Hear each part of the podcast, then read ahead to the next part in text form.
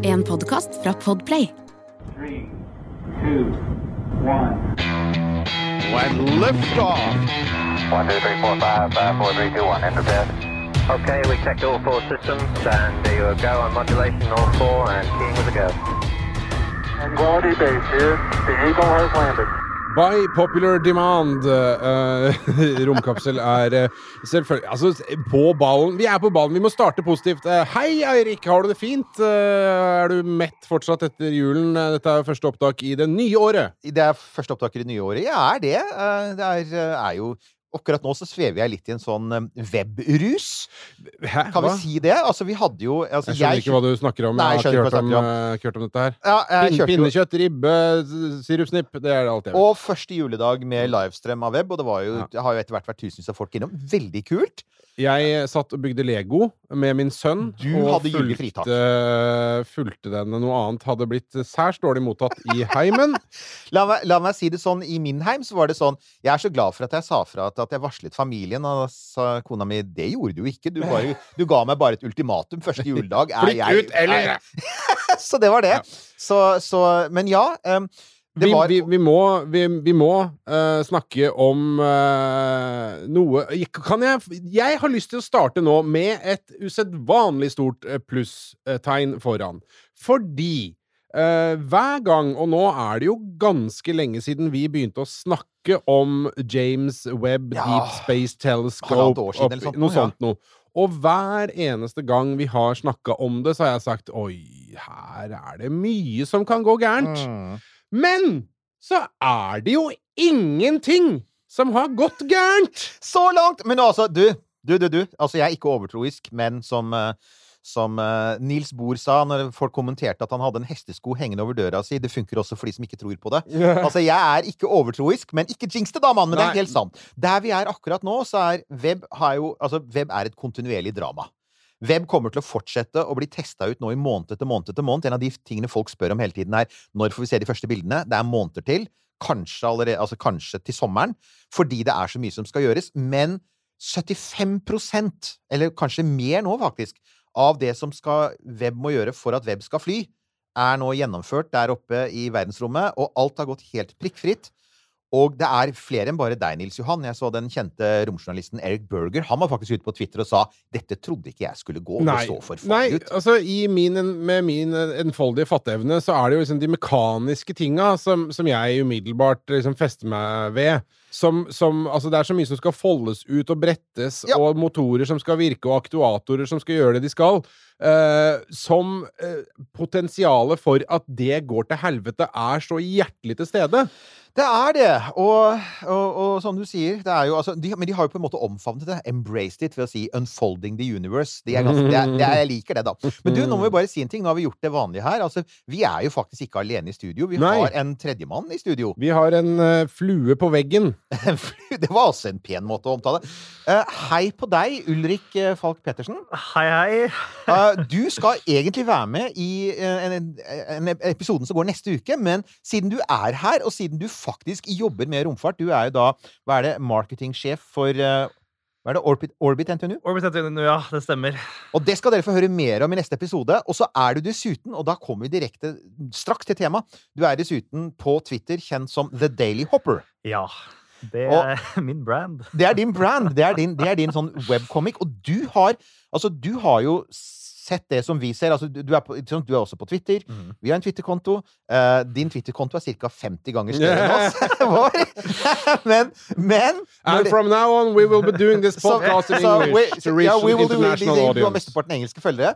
Men altså, vi skal snakke mye mer om Daily Hopper uh, neste uke. Men, men altså, det har vært ekstremt mye oppstuss i sosiale medier. Har du lagt merke til det også, eller? Ja, det, det har vært helt vilt. Det, altså, jeg tror ikke det har skjedd noe større siden oppfinnelsen av brødet. Eh, og sånn som eh, deg, så tror jeg også folk de siste dagene har satt og holdt pusten og sett at den bretter ut en og en del. da. Mm. Og det at det faktisk funker. Bank i bordet! Ikke sant? Um, og altså, nå er det jo fortsatt fire-fem måneder til vi får se om den faktisk kan produsere bilder. da. Mm. Men det at de nå har vært gjennom jeg 75% av disse failure pointsene sine. da. Ja, hva, de er litt sånn, det, er, de er enten 344 eller 390 single 344, failure ja. 344 single failure point. Du er ingeniør, ikke sant? Ja. Hva, hva er en single failure point? Forklar det for oss som ikke er det. Det er vel det er punkter som kan bety eh, enten at de mister deler av mission, eller at det er total loss of mission. Eh, altså Det første single failure pointet ville jo vært eh, oppskytningen. da.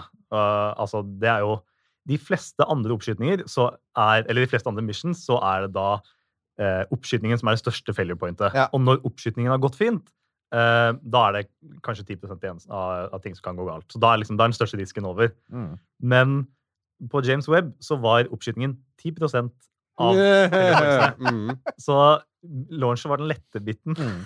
og det hele, det, alt det som etterpå, er det vanskelige. Ja, for da har vi liksom sånn, vi har fått, De har fått ut solcellepanelene, de har fått ut uh, radioantenna, som er ekstremt viktig. Den skal sende ned noe sånt noe som 60 gigabyte med data om dagen. Og jeg har oppdaget her om dagen at det må den gjøre, fordi at uh, Web har bare 60 gigabyte med lagringsplass på Det er faktisk det den har. Oi. Og så sier folk og det er ikke mye, og det er helt riktig. Det er en ganske liten og kjip uh, laptop i dag.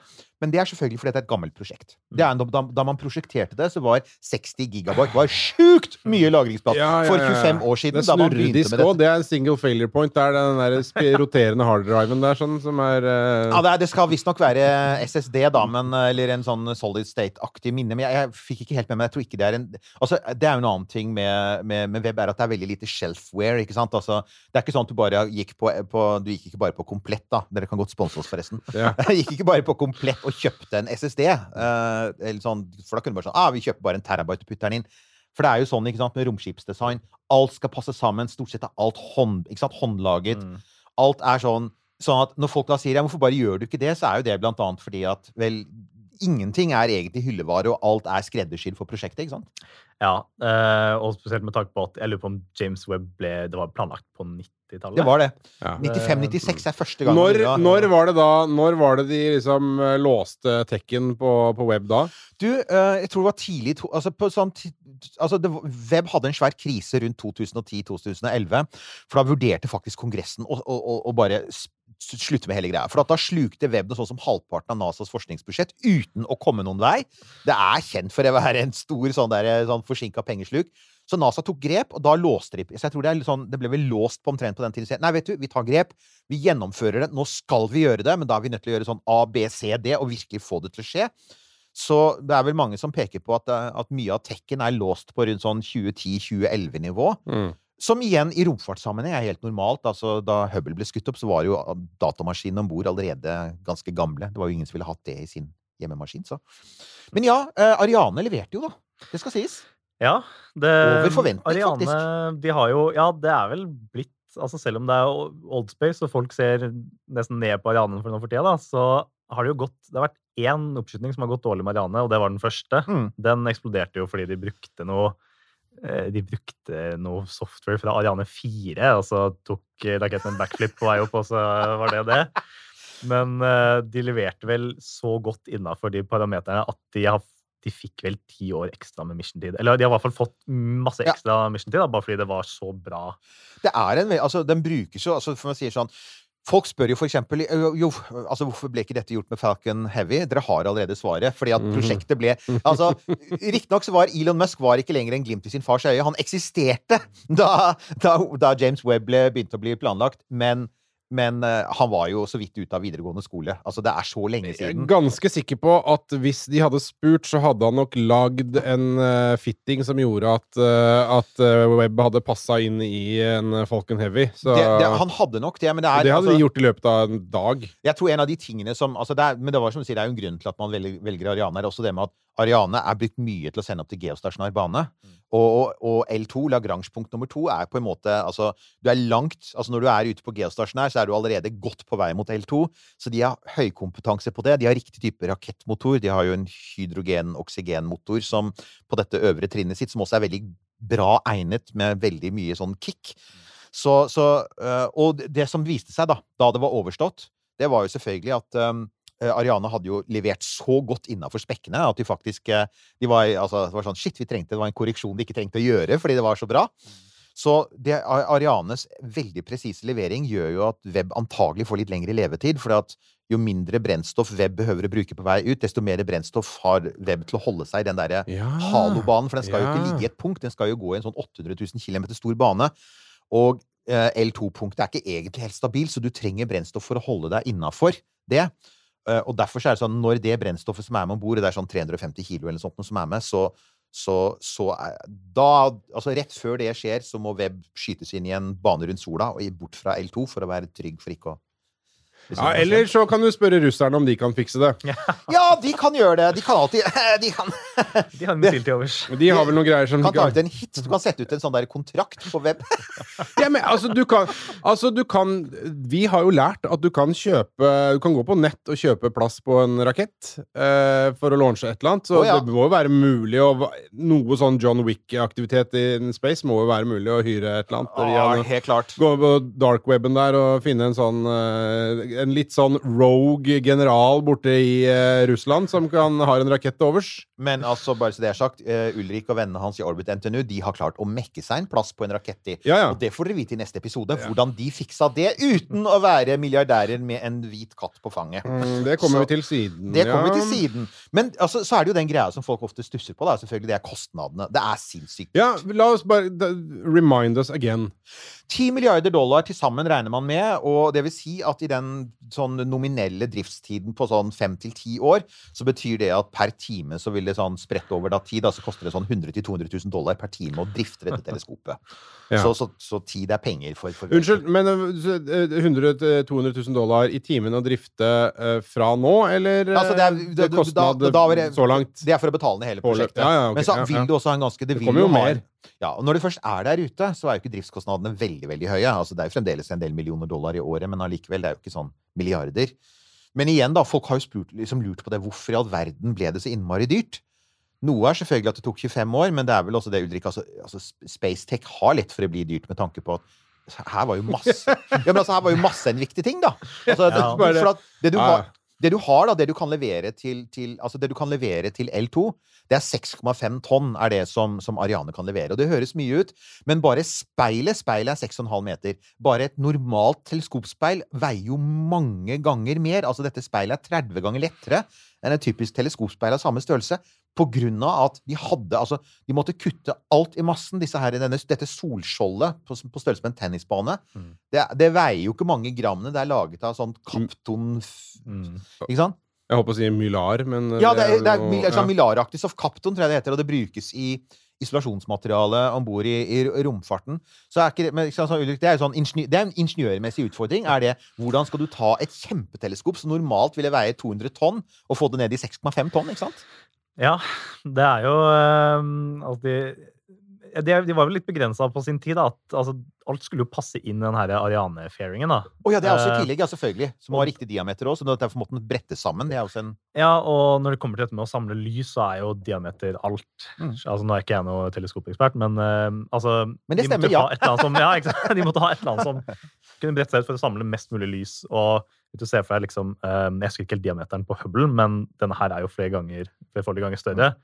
Um, men det jeg er veldig spent på, er når eh, Som du har snakka om, denne eh, mannen i Texas. eh, når, hans, når Starship eventuelt skulle bli ferdig, og du kan ta et Starship, kutte av toppen og sette et speil på ni meter i diameter Mm. uten noe kompleksitet, da vil du kunne sende dette her til en tiendedel av prisen, eller hundredel av prisen. Ja. Det, det har faktisk, altså, Vi har jo, eh, vi fikk nylig eh, litt kritikk av en av våre lyttere for at han syntes vi var litt for negative om Artemis-prosjektet. Og det er for for så vidt fair enough. Vi er ikke spesielt altså Vi syns Artemis er litt ullent, for å si det sånn. Det er, og, og Ulrik nikker her, så det er eh, en som jobber i Orbit NTNU er enig med oss, Raymond. Men jeg er enig. Jeg syns det var bra du kritiserte oss, og det er bra du gjør det. Altså, Jeg tar det til oss. Jeg er ganske negativ. Jeg har ikke sagt veldig mye pent om romferja heller. Det syns jeg er mer forståelig.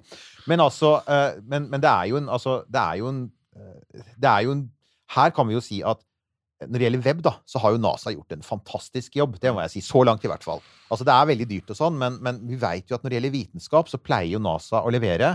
Og de har jo noen fantastiske planer framover, men kostnaden er en diger utfordring. Og det har jo også, når det gjelder, når det gjelder um, web, så har det vært kritiske røster. Det var en, jeg tror det var en journalist i, eh, som skriver om romfart i Washington Post. Jeg tror han, han, han skrev noe sånt på Twitter om at Han mener jo at dette er en generasjon for tidlig, som han sier, når vi, altså en romfartsgenerasjon, når de store løfterakettene kommer i gang igjen, for vi har ikke veldig store løfteraketter for tiden, så vil dette gamet forandre seg, og det vil være mulig å få disse kjempeteleskopene opp til en helt annen kostnad.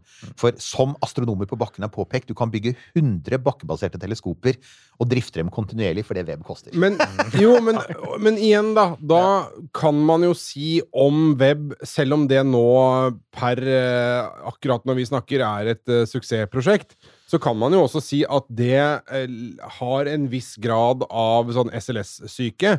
Ja. Eh, fordi det er et svært og omfattende, veldig kostbart prosjekt som har rulla godt, brukt altfor mye penger til at man på en måte eh, uten å fullstendig tape ansikt, hoder og, og går og grunn for en del involverte, uh, skjøtte det ned og si at nei, nei, dette her, eh, nå, nå er vi ferdig. Nå kan vi ikke bruke mer penger på det, som noen burde ha gjort med en rakett!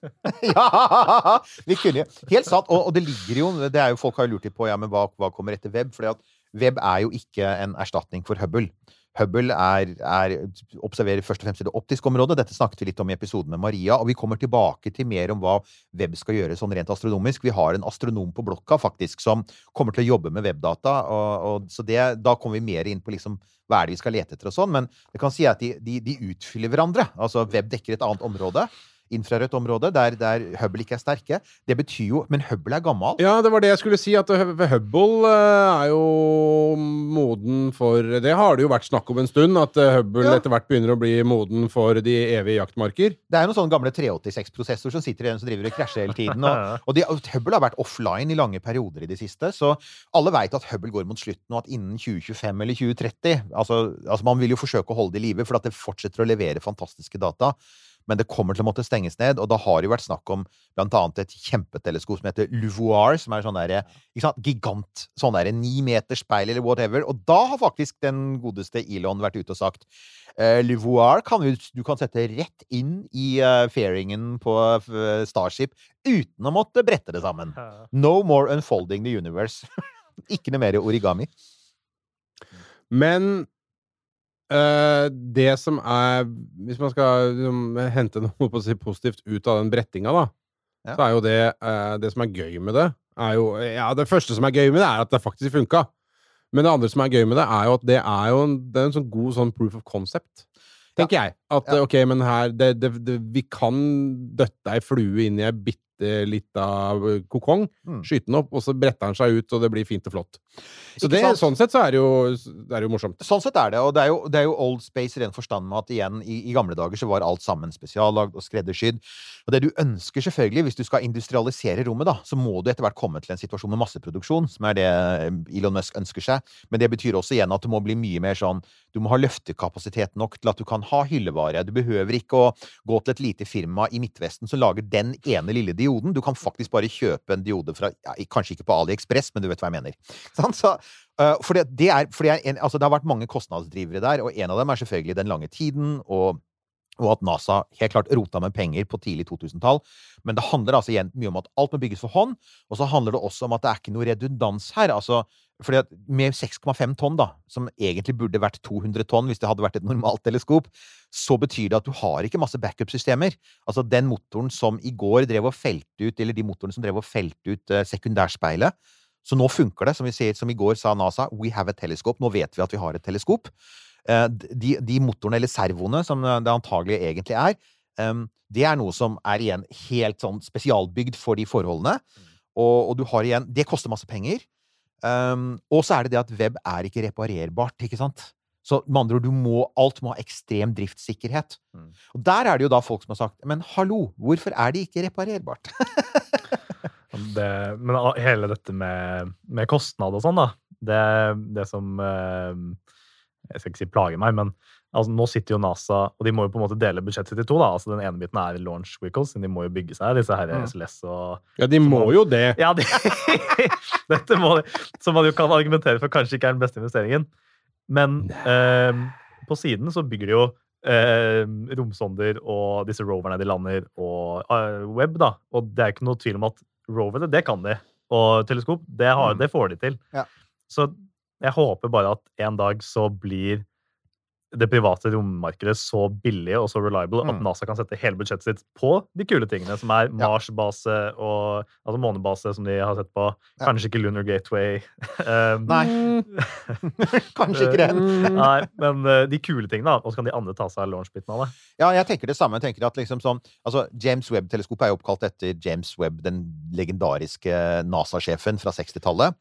Som, eh, som var blant annet ikke bare var han som liksom drev fram Apollo. Igjen, han satte opp den te tempoplanen som gjorde at Apollo ble realisert innenfor tiden, i motsetning til Artemis, som bare flyter og flyter. Um, men han var også den som ofte krediteres med å gjøre NASA til en så sterk forskningsorganisasjon. For det, på det tidspunktet så handlet det om å slå russerne, og de kunne veldig fort bare blitt en sånn Altså, og det er jo sånn som vel egentlig Roskosmos, det russiske motstykket, er i dag. Altså, de leverer raketter, og de leverer gammel romteknologi. Mm. Men det er ingen som egentlig ser på det som en sånn veldig sterk forskningsorganisasjon. Vel, det er NASA, det veit vi. De har masse, de jo, de har jo ansatt tusenvis av forskere, og de samarbeider veldig tett med universiteter, og du har JPL og alle disse laboratoriene deres. Det skyldes jo mye James Webb. Der er NASA gode, og der har NASA en rolle.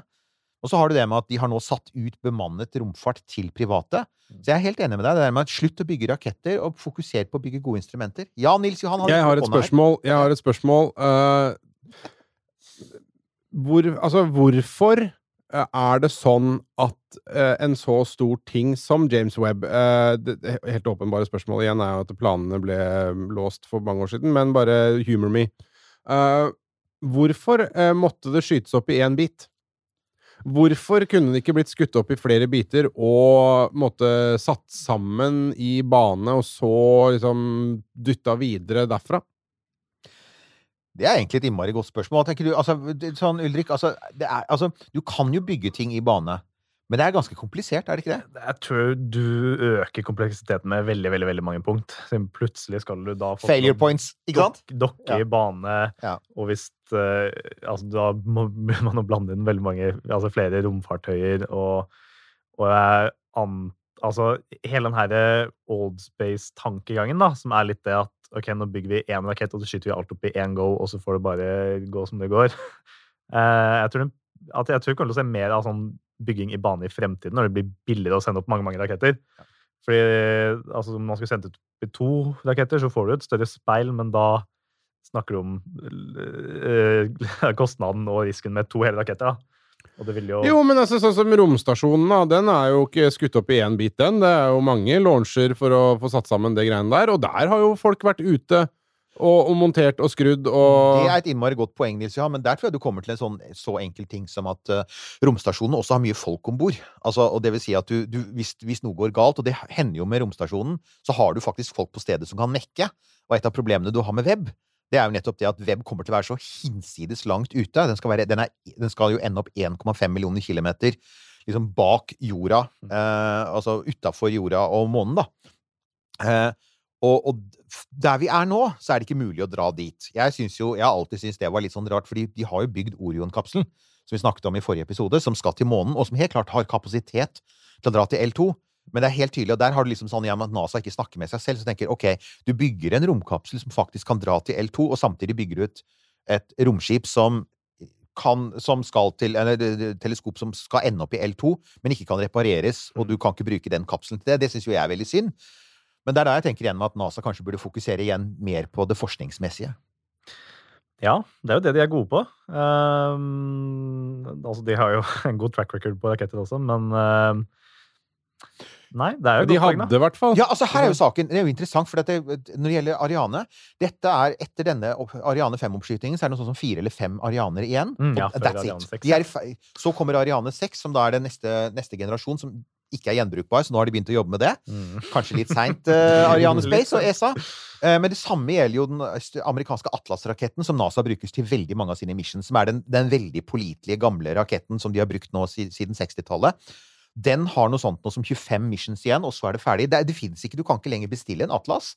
Så mange har påpekt at det er i ferd med å oppstå også et gap i det amerikanske markedet. At hvis ikke liksom sånn Det kommer nye raketter, det er planlagt flere nå de neste årene, men hvis ikke de er på rute, så ender vi opp med Og så er det én fyr med hvit katt på fanget, og det er jo han derre Dogecoin-duden, da, fra Texas. Ja, og du, altså, du vet jo det at han blir tynnere og tynnere i håret, så Oh, yeah. det kommer en dag hvor han er, har den flotteste sveisen av dem alle.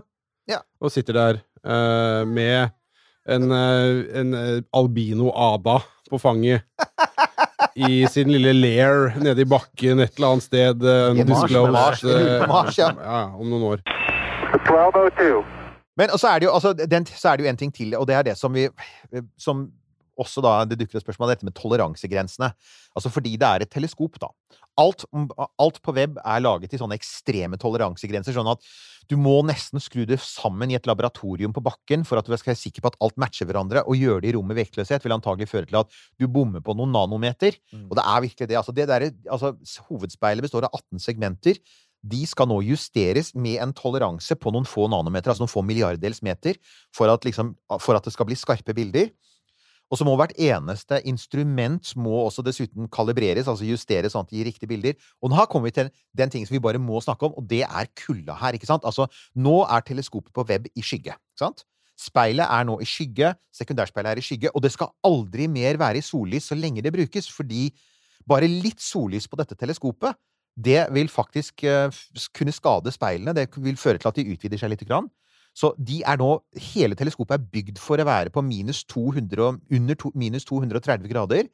Og nå faller jo temperaturen jevnt og trutt. Uh, og når de er ute på L2, så skal jo mange av instrumentene bare være rett over det absolutte nullpunkt, altså minus 266 grader eller noe sånt nå. Så det er jo også en fascinerende ting. Altså, det er kullsvart allerede, for det er jo ikke noen lyskilder annet enn stjernene. ikke sant? Mm. Så er, på skyggesiden er det kullsvart, og det er iskaldt. ikke sant? Spennende sted å drive ingeniørvirksomhet, da. Det er, det er ganske harde omgivelser de jobber i, altså. Extreme engineering. Og i, i um, Altså, i, så å si alle andre altså Jeg lurte lenge på hvorfor, hvorfor de ville ha dette helt ned da, til så utrolig kaldt. Men uh, uh, altså i Når du bygger vanlige satellitter, så er det jo hele kjølingbiten er en veldig viktig del av det. Og du mm. snudder på dem, eller du har radiatorer for å få det så kaldt. Men her må du også ha instrumentene så ekstremt kaldt. Fordi det, hele teleskopet går på sånn infrarød stråling. Og varme da altså Det, det står et spørsmål her om dagen om hvorfor det ikke var et kamera da, på dette speilet. så man Mhm. kunne se speilet. Men varmen dette lille kameraet da ville utstrålt, hadde da ødelagt for bildene de hadde fått inn på teleskopet. Ikke sant? Ah, Så sensitivt ja, er det, ikke sant? Vi er For det, der, ja. av, av samme grunn så sier man ja, hvorfor, hvorfor kan du ikke bare ha det i lav jordbane, da, sånn som Hubble? Ja, altså, Reflektert sollys fra jorda ville helt ødelegge fra, for teleskopet, og det ville også reflektert månelys. Mm. Så ja, alt, absolutt alle temperaturkilder er skadelige. Dessuten en annen ting er selvfølgelig at det kameraet vil ikke se noe, for det er virkelig pitch black. Mm. Det, er helt, det er bare stjernelys. Og en ting til som, en, som også ble påpekt, er at det lille kameraet vil dessuten ikke overleve. For vi, vi har ikke noen kameraer som Altså frittsvevende, fritt- frittsvevende sånn konvensjonelle satellittkameraer som opererer i minus 250, det, det, ja, det, det vil ikke gå særlig bra. Så, så ja, nei, det er eh, Men eh, Så den, man hadde jo håpet på at man skulle ha en sånn liten sånn Liten selfiesatt. For å for, Ikke jeg sier Nudge, det, ikke, ikke noe foreshadowing i det hele tatt. Men en sånn liten sak som eh, For kineserne har jo eh, sin, deres eh, Mars-sonde eh, Tianwen. Tianwen, var det ikke det? Den har jo en sånn liten kompis, en liten buddy, som tar bilder av den. De hadde jo en liten sånn buddy som de plasserte på Mars-overflaten også, for å ta bilde av roveren Sh- Shurong. Så, så kineserne er jo der. Men altså, teknisk sett var det, ikke, var det ikke mulig, og dessuten, som alle påpeker, denne web har så mange sykt masse sensorer som forteller alt du trenger å vite. Så ingeniørene som, som skal felle det ut, og astronomene som skal drifte dette her, de veit det de trenger å vite fra sensorene. De trenger jo ikke et kamera. Bare sånn kjapt eh, Nok et dumt spørsmål. Men når man har eh, all, alle instrumenteringen og alt sånn, og, og liksom alle komponenter med da, så, eh, speil og, og dette skjoldet som skal fungere optimalt på minus 250-60 grader har man eh, så Jeg antar at svaret er ja, men har man en fryseboks som er stor nok eh, på jorda til å teste dette her ordentlig? Og man sjekke at dette her funker eh, på, på den, den slags temperaturer? Det, det har man. Man har jo altså, Du man har ikke har, håpa på at Nei, vi regner med at det blir det, Nei da, man har heldigvis man har laboratorier som kan ta ned til absolutte nullpunkt. Jeg, jeg veit i hvert fall i gamle dager sto det i Guinness rekordbok at det kaldeste punktet i universet. For da er du altså faktisk lavere enn tregradersstrålingen til universet. Universet selv har en temperatur på ca. tre grader. Det kaldeste, punktet det kaldeste kjente punktet i universet var et universitet i Helsinki som hadde vært nede på, på nullpunkt. Altså en sånn, noen milliondels grader over det absolutte nullpunkt. Det er sikkert slått nå.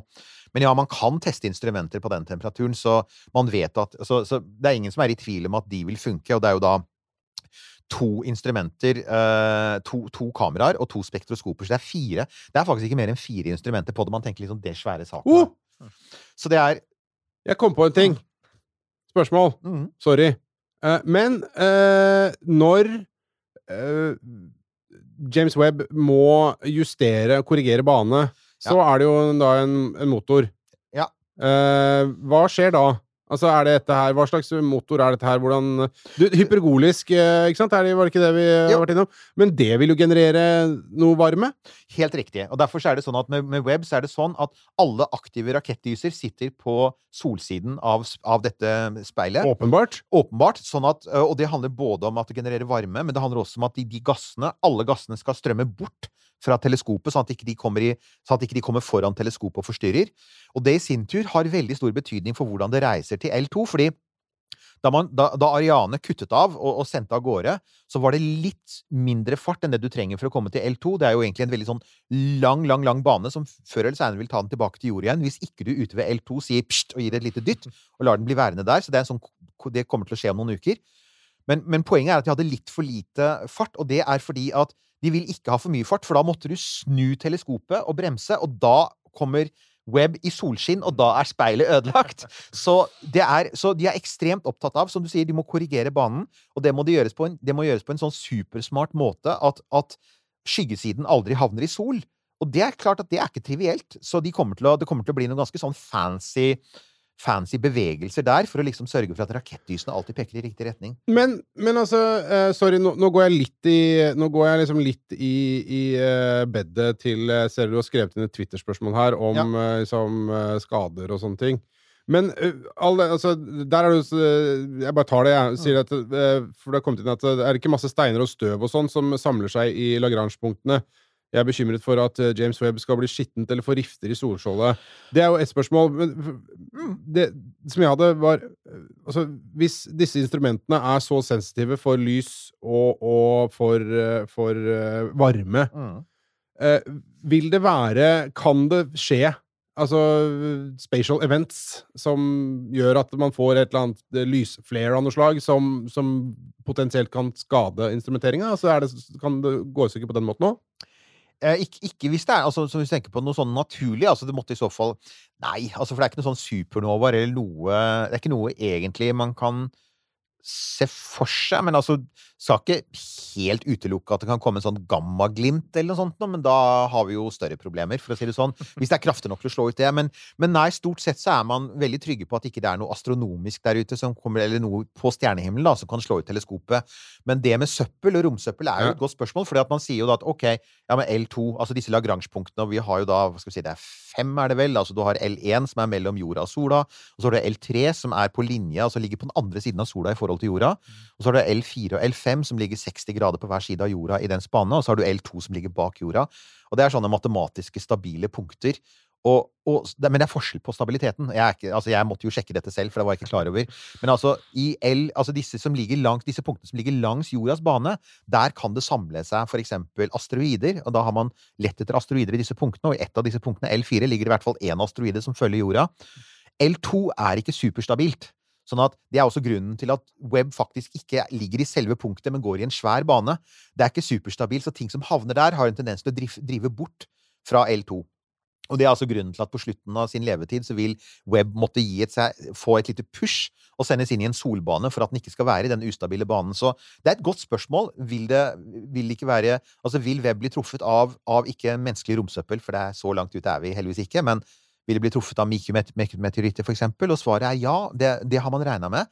Så for eksempel Solskjoldet har sånne Og det er sånn ingeniørgreie igjen, Ulrik. Det er sånn altså, at Solskjoldet har noen sånne eh, soner som gjør at hvis det oppstår en rift, da, Mm. for det står jo i spenn, så vil ikke den riften bli kjempesvær, for det er en sånn er det flyskrog som har innebygd sånne soner som gjør at hvis det oppstår en tretthetssprekk, Mm. så kan den bare bli så lang, og så stoppes den, rett og slett? Det er sånn ingeniørmessig grep, er det ikke det? Jo, det, um, altså på Beste eksempel jeg kan komme på, er f.eks. på skip. da. Tidlig på skip så hadde de firkanta vinduer. Um, og så var det en periode der de mista altså Dette var på de første stål- eller jernskipene. da, eh, Og så var det en periode der de mista veldig mange. De bare knakk i to og sank, og man skjønte ikke hvorfor. Og så viste det seg da at kantene på disse vinduene var såpass skarpe at det var der det oppsto eh, knekker. Så du ser på flyvinduer avrunda eh, for å hindre akkurat dette. Og litt samme på dette skjoldet. Eh, de har jo fem lag, og dette her måtte jeg søke opp fordi jeg lurte på det. At de kan miste ett av de skjoldene uten at de gjør noe. Okay. Så de har regna med at det skal bli truffet av mikrometeoritter. og at den da skal kunne drevne litt uten å, uten å miste hele. Eh, Ja, det samme gjelder Altså, speilene er jo altså dette, dette kjempespeilet som når det er liksom det, det som vil fungere som et kjempespeil på 6,5 meter. Eh, speilet er jo dekket av et tynt lag med gull. Og det er fordi at gull reflekterer, reflekterer infrarød stråling ekstra godt, så det er jo veldig Det kommer til å være Altså, dessverre får vi aldri se det, men det er et veldig vakkert eh, Det er veldig vakkert å se på. Tror Tror og- vi. Tror vi? Ja, tror vi. Der ser vi. Så van, for vanligvis er det, vanligvis er det altså for eksempel et tynt lag med aluminium, og det er jo er vel aluminium som, er, altså, som skal reflektere sollyset og varmen på, på selve solskjoldet. Eh, men utapå det ligger også et sånt lite silikatlag over dette gullet, at man skjønte veldig raskt gull er veldig mykt, det vet vi jo alle. Eh, og dette er så rent gull som overhodet mulig. Og, og, og liksom tanken på hva mikrometeoritter Ikke bare kunne de lage De kunne jo kanskje slå opp små krater og lage rifter i det. Så, så, så speilet er dekket av et beskyttende lag som da skal kunne tåle ganske mange sånne dings fra mikrometeoritter. Men det vil bli truffet, det er alle enige om. For at verdensrommet er jo fullt av mikrometeoritter. Det er jo 100 tonn som lander på jorda hver eneste dag. Da jeg kom på Så i løpet av Hva kom du på, Nils Johan? Tenk hvis Bare tenk hvis eh, Nå skal jeg ødelegge festen. tenk hvis når, når de liksom får alt i gang, og så viser det seg at de har gjort en sånn Hubble-pupu med det speilet. Å nei! det, ikke si det. Nei, ikke si det! Nei, nei, nei, nei, nei, Nei, nei. bare For det har skjedd! Eh, Eh, altså, det, altså det, det, den ene ting jeg kan garantere deg, er at det kommer ikke til å rulle noen hoder i NASA, for det har de ikke gjort tidligere. Altså, det, folk sitter ekstremt trygt, trygt når de eh, ansatt i staten, vet du, da Virkelig. Nei, vi får, altså, vi får jo satse på at denne gangen Ja, det er det, det som jeg, jeg Altså, jeg var jo Jeg studerte jo astrofysikk på det tidspunktet da Hubble Da vi opplevde dette med Hubble. Jeg husker jo det veldig godt, for det var sånn Og jeg husker altså da vi hørte det første gang, at speilet faktisk var slipt i Altså, som folk påpekte, amatører kan slipe. Og det fins enkle og anerkjente teknikker som er brukt i 200 år for å få korrekt kurve på et sånn hulspeil da, som du hadde da. Og at, at et veldig anerkjent amerikansk firma hadde klart å, å, å slipe speilet feil, er bare helt Men der var det heldigvis Det var jo bygd for å korrigeres. Det er det jo ikke her. Men her er jo spørsmålet. For folk har sagt jo, jo, men er det nå så sikkert? Fordi uh, nå har NASA vært ute og sagt at de har faktisk sett for seg en potensiell ferd hvor de kan etterfylle brennstoff. Det viser seg at den, dette hypogoliske brennstoffet som Web er avhengig av for å holdes i drift, det ser faktisk ut til å Det ser ut til at det kan etter, eh, etterfylles. Og han som er ansvarlig for det tekniske her, han heter Bill Ox. Han hadde blitt spurt i en pressekonferanse Men hvis Elon, da, som har tenkt å bygge et Starship som skal til Mars, og med andre ord kan ganske lett fly til L2 Altså lett og lett, men det er jo fullt ut i stand til å fly til L2, som er mye nærmere enn Mars. Hvis han, eh, hvis han finner på noe da, og da har han, da har han jo sagt altså bring it on, gjør det. Vi, vi vil gjerne se kreative løsninger, se om det er mulig å, og eventuelt, hvis det skulle oppstå noe, da, å, å få det reparert. Så selv om man i utgangspunktet sier at det er ureparerbart, så merker jeg meg at takket være annet SpaceX, så er NASA liksom litt åpnere nå og sier Ja, men jo, men altså, problemet Da ligger det jo et problem eh, i det at uh, hvis det ikke er bygd for å være reparerbart, så er det jo eh, nødvendigvis ekstremt komplisert hvis man da i ettertid tenker at dette her skal vi fikse noe. Ikke sant? Og dette husker, altså vi, omt- Omtrent for et år siden så snakket vi med Mike Massimino, som reparerte romteleskopet. Og hans problem Hubble, var. Hva? Hubble. Ja, Ja, Hubble. bare presisere det. Ja, ja, ja, for det er, det er mange romteleskop. Sorry. Hubble. Uh, og han hadde jo et problem med alle disse skruene som skulle skrus ut, og som egentlig ikke var beregnet på å skrus ut sånn Det var jo Altså, de, de gikk å reparere. Og så hang det seg opp, og han var jo redd for at han hadde greid å ødelegge hele romteleskopet. Men det hadde jo ikke vært hans feil. Altså, Eh, det jeg tenker er eh, Dette med ureparerbare ting er jo faktisk også et fenomen med f.eks. mobiltelefoner. Jeg er jo sånn veldig tilhenger av sånn right to repair, at du skal kunne åpne din egen laptop og din egen mobiltelefon og bytte ting. Mm. Så det er klart, hvis de da har tatt det sånn Hvis de har lært av Apple og Samsung, da puttet Altså limt alt på plass, og dessuten bare puttet i sånn pentalobe-skruer som bare kan åpnes med en sånn liten spesialskrutrekker Jeg veit ikke, det høres jo nesten sånn ut, for jeg tenker jo, men folkens, det er jo ingeniører som har bygd dette her, og det er jo tekt, altså, Selv om det er spesialkonstruert, da, så er det jo kjente ting. Det er, det er sånn type Det er servoer, det er, det er mikroprosessorer, ikke sant? Det er liksom Det er dyser, ventiler Altså, det er ikke noe sånn Altså, det er jo ikke Holdt på å si, det er ikke kvantefysikk, men det er det jo. Ja, men, men allikevel. Så jeg lurer veldig. Så, så det er derfor jeg sier at jeg liker litt at NASA har begynt å si Nja, ikke sant? For jeg tror mye har handlet om at det var ikke noe vits i å gi oss forhåpningene, for det var jo ikke mulig å komme seg til freaking L2 da, for det er jo så Mm. innmari langt unna. Men det vi nå sier, er at nå, nå, altså, denne våren skal vi jo da forhåpentligvis få se at Orion flyr ikke bare til månen, men langt forbi månen. Det skal jo 60 000-70 000 km bak månen. Og da er vi allerede et godt stykke på vei mot L2. Så, så jeg lurer litt. Eh, president Obama var jo i sin tid eh, Da han fikk høre om Orion, så var jo han tilhenger av å sende Orion til en sånn eh, near Earth asteroid. For å lære litt mer om sånne trusler mot sivilisasjonen. Mm. Så, så, så den har Ja, jeg har ikke sett den ennå, den filmen. Så Nei, du har ikke sett den filmen Nei, jeg håper du gjør det snart. Da får du gjøre det. Da får, Men uh, du uh, Ja, vi må ikke noe spoile noe greier her nå. uh, men du nevnte innledningsvis her, Eirik, at vi har på plakaten en eh, person Ja. som skal jobbe med eh, webdata. Ja. Eh, og nå må vi skille da mellom web med 1B og 2B-data. For webdata det kan jo hvem som helst jobbe med. Eh, men webdata, Ja. eh, det er det jo ikke alle som får. Hvem får? Nemlig. Det der er et innmari interessant spørsmål. Altså, for det første så er det sånn at, at igjen, fordi teleskopet er så dyrt, så, så kommer man til å bruke hvert eneste tilgjengelige eh, sekund av observasjonstid. Det er jo ikke sånn, for folk har lurt på ja, altså, Kunne man eksempel peke Hubble mot web? Nei, det kan man ikke. Disse romteleskopene All tiden er booket inn på forhånd, og, og selvfølgelig, man må jo maksimere tidsutnyttelsen, sånn at man, observasjoner er jo da gjerne planlagt sånn at to objekter som står nær hverandre, da vil man jo plassere de observasjonene nær hverandre. Det første året, som er ca. 10 000 observasjonstimer, er allerede booket inn. Sånn at det første året, som da observasjonsåret som starter til sommeren, sommeren 2022 og varer til sommeren 2023, der er det 10 000 observasjonstimer som allerede er booket inn. 4000 av de er satt av til folk som jobber på prosjektet, som er rimelig. Mange av dem har jobba med prosjektet i 20 år. Så ja, hvis du har jobba med prosjektet i 20 år, så skal du selvfølgelig gå foran i køen. 6000 timer er satt av til andre typer observasjoner. Altså, og, det, og da er det astronomer som sender, og institusjoner som sender inn, søknads, altså sender inn, sender inn søknad om å få lov til å observere. Og det skal vi høre mer om, for det tror jeg egentlig er en litt sånn kul prosess. Hvordan? Hvordan ber du om tid på web, for å si det sånn? Hva må du si? Mm. Hvem? Hvem må du sende en flaske Altså vodka vet vi jo at eh, når man skal, når man skal søke om noe eh, gjennom NASA, så er det jo en relativt uh, omfattende prosess. Jepp, det lærte vi jo av vår venn Hamran Hamran, som for øvrig Han skal tilbake i studio. Han har bare vært en travel mann i høst, har jeg skjønt. Jeg vet ikke hva han skal holde på med. Nei, antagelig noe på Mars. Men altså, så 10 000 eh, timer i året, og, og igjen, altså man må jo begrunne det, og, og man har dessuten en prioriteringsrekkefølge som også går på viktighet. For alle er klar over, altså, Web er jo en av grunnene til at folk har vært så excited, det er jo at web er bygd for de store spørsmålene. Vel, da må du jo forsvingende se på det første. sånn at tidlig i observasjonsprogrammet kommer sånn Se tilbake til den mørke tiden i universets historie, som vi snakket litt om, og som vi skal snakke mer om. Uh, Tenker på- på diskoalderen disko- eh, på 70-tallet. Diskoalderen. Ja. Uh, eksoplaneter, at eksoplanetosmofærer, islegemer i solsystemet, eh, Jupiters måne Europa, som kan ha spennende gasser rundt seg, alle disse tingene her. Vi skal jo sende et romskip dit. Så, så det står øverst på lista. Altså, og, men, det er, men igjen, med 10 000 timer i året, så er det klart at det er sjukt mye som web kommer til å se på, som folk flest aldri kommer til å høre om. Så rett og slett er sånn god, gammeldags astronomi som handler om sånn stjerneatmosfærer og, og interstellare skyer, som folk ikke syns er så veldig sexy, men som faktisk er viktig for sånn basic grunnforskning. Men det kommer til å komme noe sexy eh, ut av ja, det, Ja, jeg er helt sikker på det. Ja. Jeg er helt sikker på det. Så, så det er um, Som overgår teleskopet i seg selv. Jepp. Rett og slett.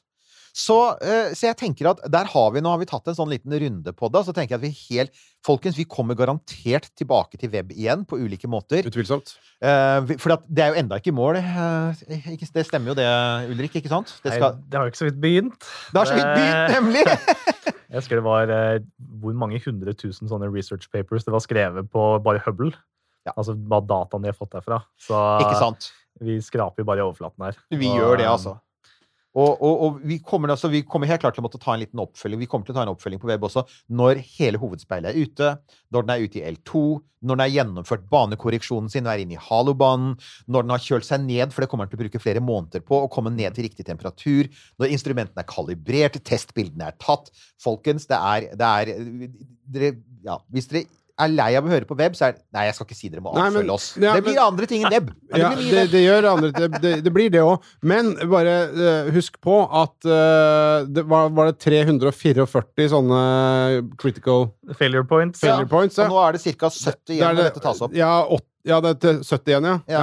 ja. eh, 75 eh, Da er det, Ja, er det sant? 86 igjen. Ja, der ser du. Så ja, det kan fortsatt gå gærent, bare sånn for å kjøle ned debatten litt her. Men eh, det man kan nevne, er jo det at nå har jo selv om ikke disse hovedspeilene har bretta seg ut, så fungerer teleskopet nå. ja, det vil det. Eh, de, de nevnte jo at we have a telescope her på Twitter den dagen. Mm. Eh, fordi de, selv om disse hovedvingene, som jo er den store delen av det du forbinder med teleskopet, Ja. skal slå seg ut i løpet av de neste dagene, eh, selv om det ikke har skjedd ennå, så har de nå et fungerende teleskop. Ja. Um, så det kan hente inn data, det kan hente inn lys, selv om det ikke har bretta ut disse hovedspeilene. Altså, nå som vi har lagt så mye bak oss, så regner jeg sannsynligheten for at vi får gode data fra Ja. for veldig høy. Eh, Folk spurte under livestreamen liksom, hva tror du er sannsynligheten for at vi ender opp med at, at noe går galt. Jeg sier at sannsynligheten for at noe gikk helt galt, den så jeg som ganske liten, men at vi kunne ende opp med et sånt litt sånn Altså et teleskop med mindre kapasitet, da, eller liksom, hvor noe ikke fungerte. Den, eh, den, den er der jo, men det vil jo frem, som du sier, den vil fremdeles fungere. Den vil fremdeles kunne levere data. Det blir bare en veldig, veldig, veldig dyr kikkert til å se på trost med. Ja, nemlig! Det var en av mine, for, en av mine favoritter der var jo uh, i, i forbindelse med, med Hubble, da. Da hadde det vist seg at Hubble var uskarp. Det var sånn uh, Hubble studies the earth, og så sånn, det var sånn, sånn zoomet ned på jorda, og så sto masse sinte fjes opp, og så bare sto- det 'taxpayers', ikke sant? Sånn, for det er jo Alt dette er skattefinansiert, og det er jo uh, Og igjen, det er altså Det er, det er 10 milliarder dollar, så vi får virkelig håpe det går bra. Du, vi, jeg tenker at vi, vi runder litt av her nå, men skal vi bare ta en sånn siste ting før vi går Vi skal ta et par uh, Ja. praktiske ting fra garasjen. Eh, per akkurat nå eh, så er vi utsolgt for eh, litt diverse på T-skjortefronten. Spesielt uh, logo, romkapsellogo-T-skjorta i størrelse large. Det vil eh, bli eh, en ladning med nytt eh, tilkomme etter hvert, eh, så fort trykkeren er eh, ferdig grodd etter en eh, invasiv blindtarmoperasjon. Eh, så da har dere alle detaljene på det. Uh, og så var det denne 1202. Uh, rest assured, frykt ikke, den kommer. Den gjør det, altså. Vi driver og tenker litt på designet nå. Eh, altså, og for de av dere som eventuelt er nye i podkasten vår, 1202 er feilmeldingen fra Apollo. 1202 er det som alltid skjer når vi har en livestream. Under den siste livestreamen som jeg hadde ansvar for, så tror jeg det var jeg har registrert i hvert fall fem 1202-er. Folk kan sikkert finne flere. Men det viser seg at folk liker dem jo, for det er en del av sjarmen er å, å se Sånn har det oss blitt. Sånn er det bare. Altså, sånn, det en del av sjarmen er å se oss dumme oss ut på, på, på inter, internetten. Bygge karakter. Ja, bygge karakter. og så må vi takke deg da, Ulrik, for at du var så sporty og stilte opp. For du, du er jo egentlig her i studio for å snakke om det du vanligvis holder på med. Som kommer om en uke. Som kommer om en uke, og nå veit dere nå, Å, vi er avslørt! Vi tar opp flere på én dag. Men ja, å, sorry at vi viste dere dette. Det er too much information, men ja. Eh, og det er det som da skal skje her. Sånn at, eh, folkens, eh, heng med oss, så skal dere få høre hva Ulrik vanligvis gjør. Og det er altså vel så kult som noe vi har snakket om nå. Ikke sant, Nils Johan? Det er kult, men uh, James Webb vinner, da. Sorry, Ulrik, men uh, vi, vi snakker mer om det etterpå. Ja, Vi snakker enig. mer om det etterpå.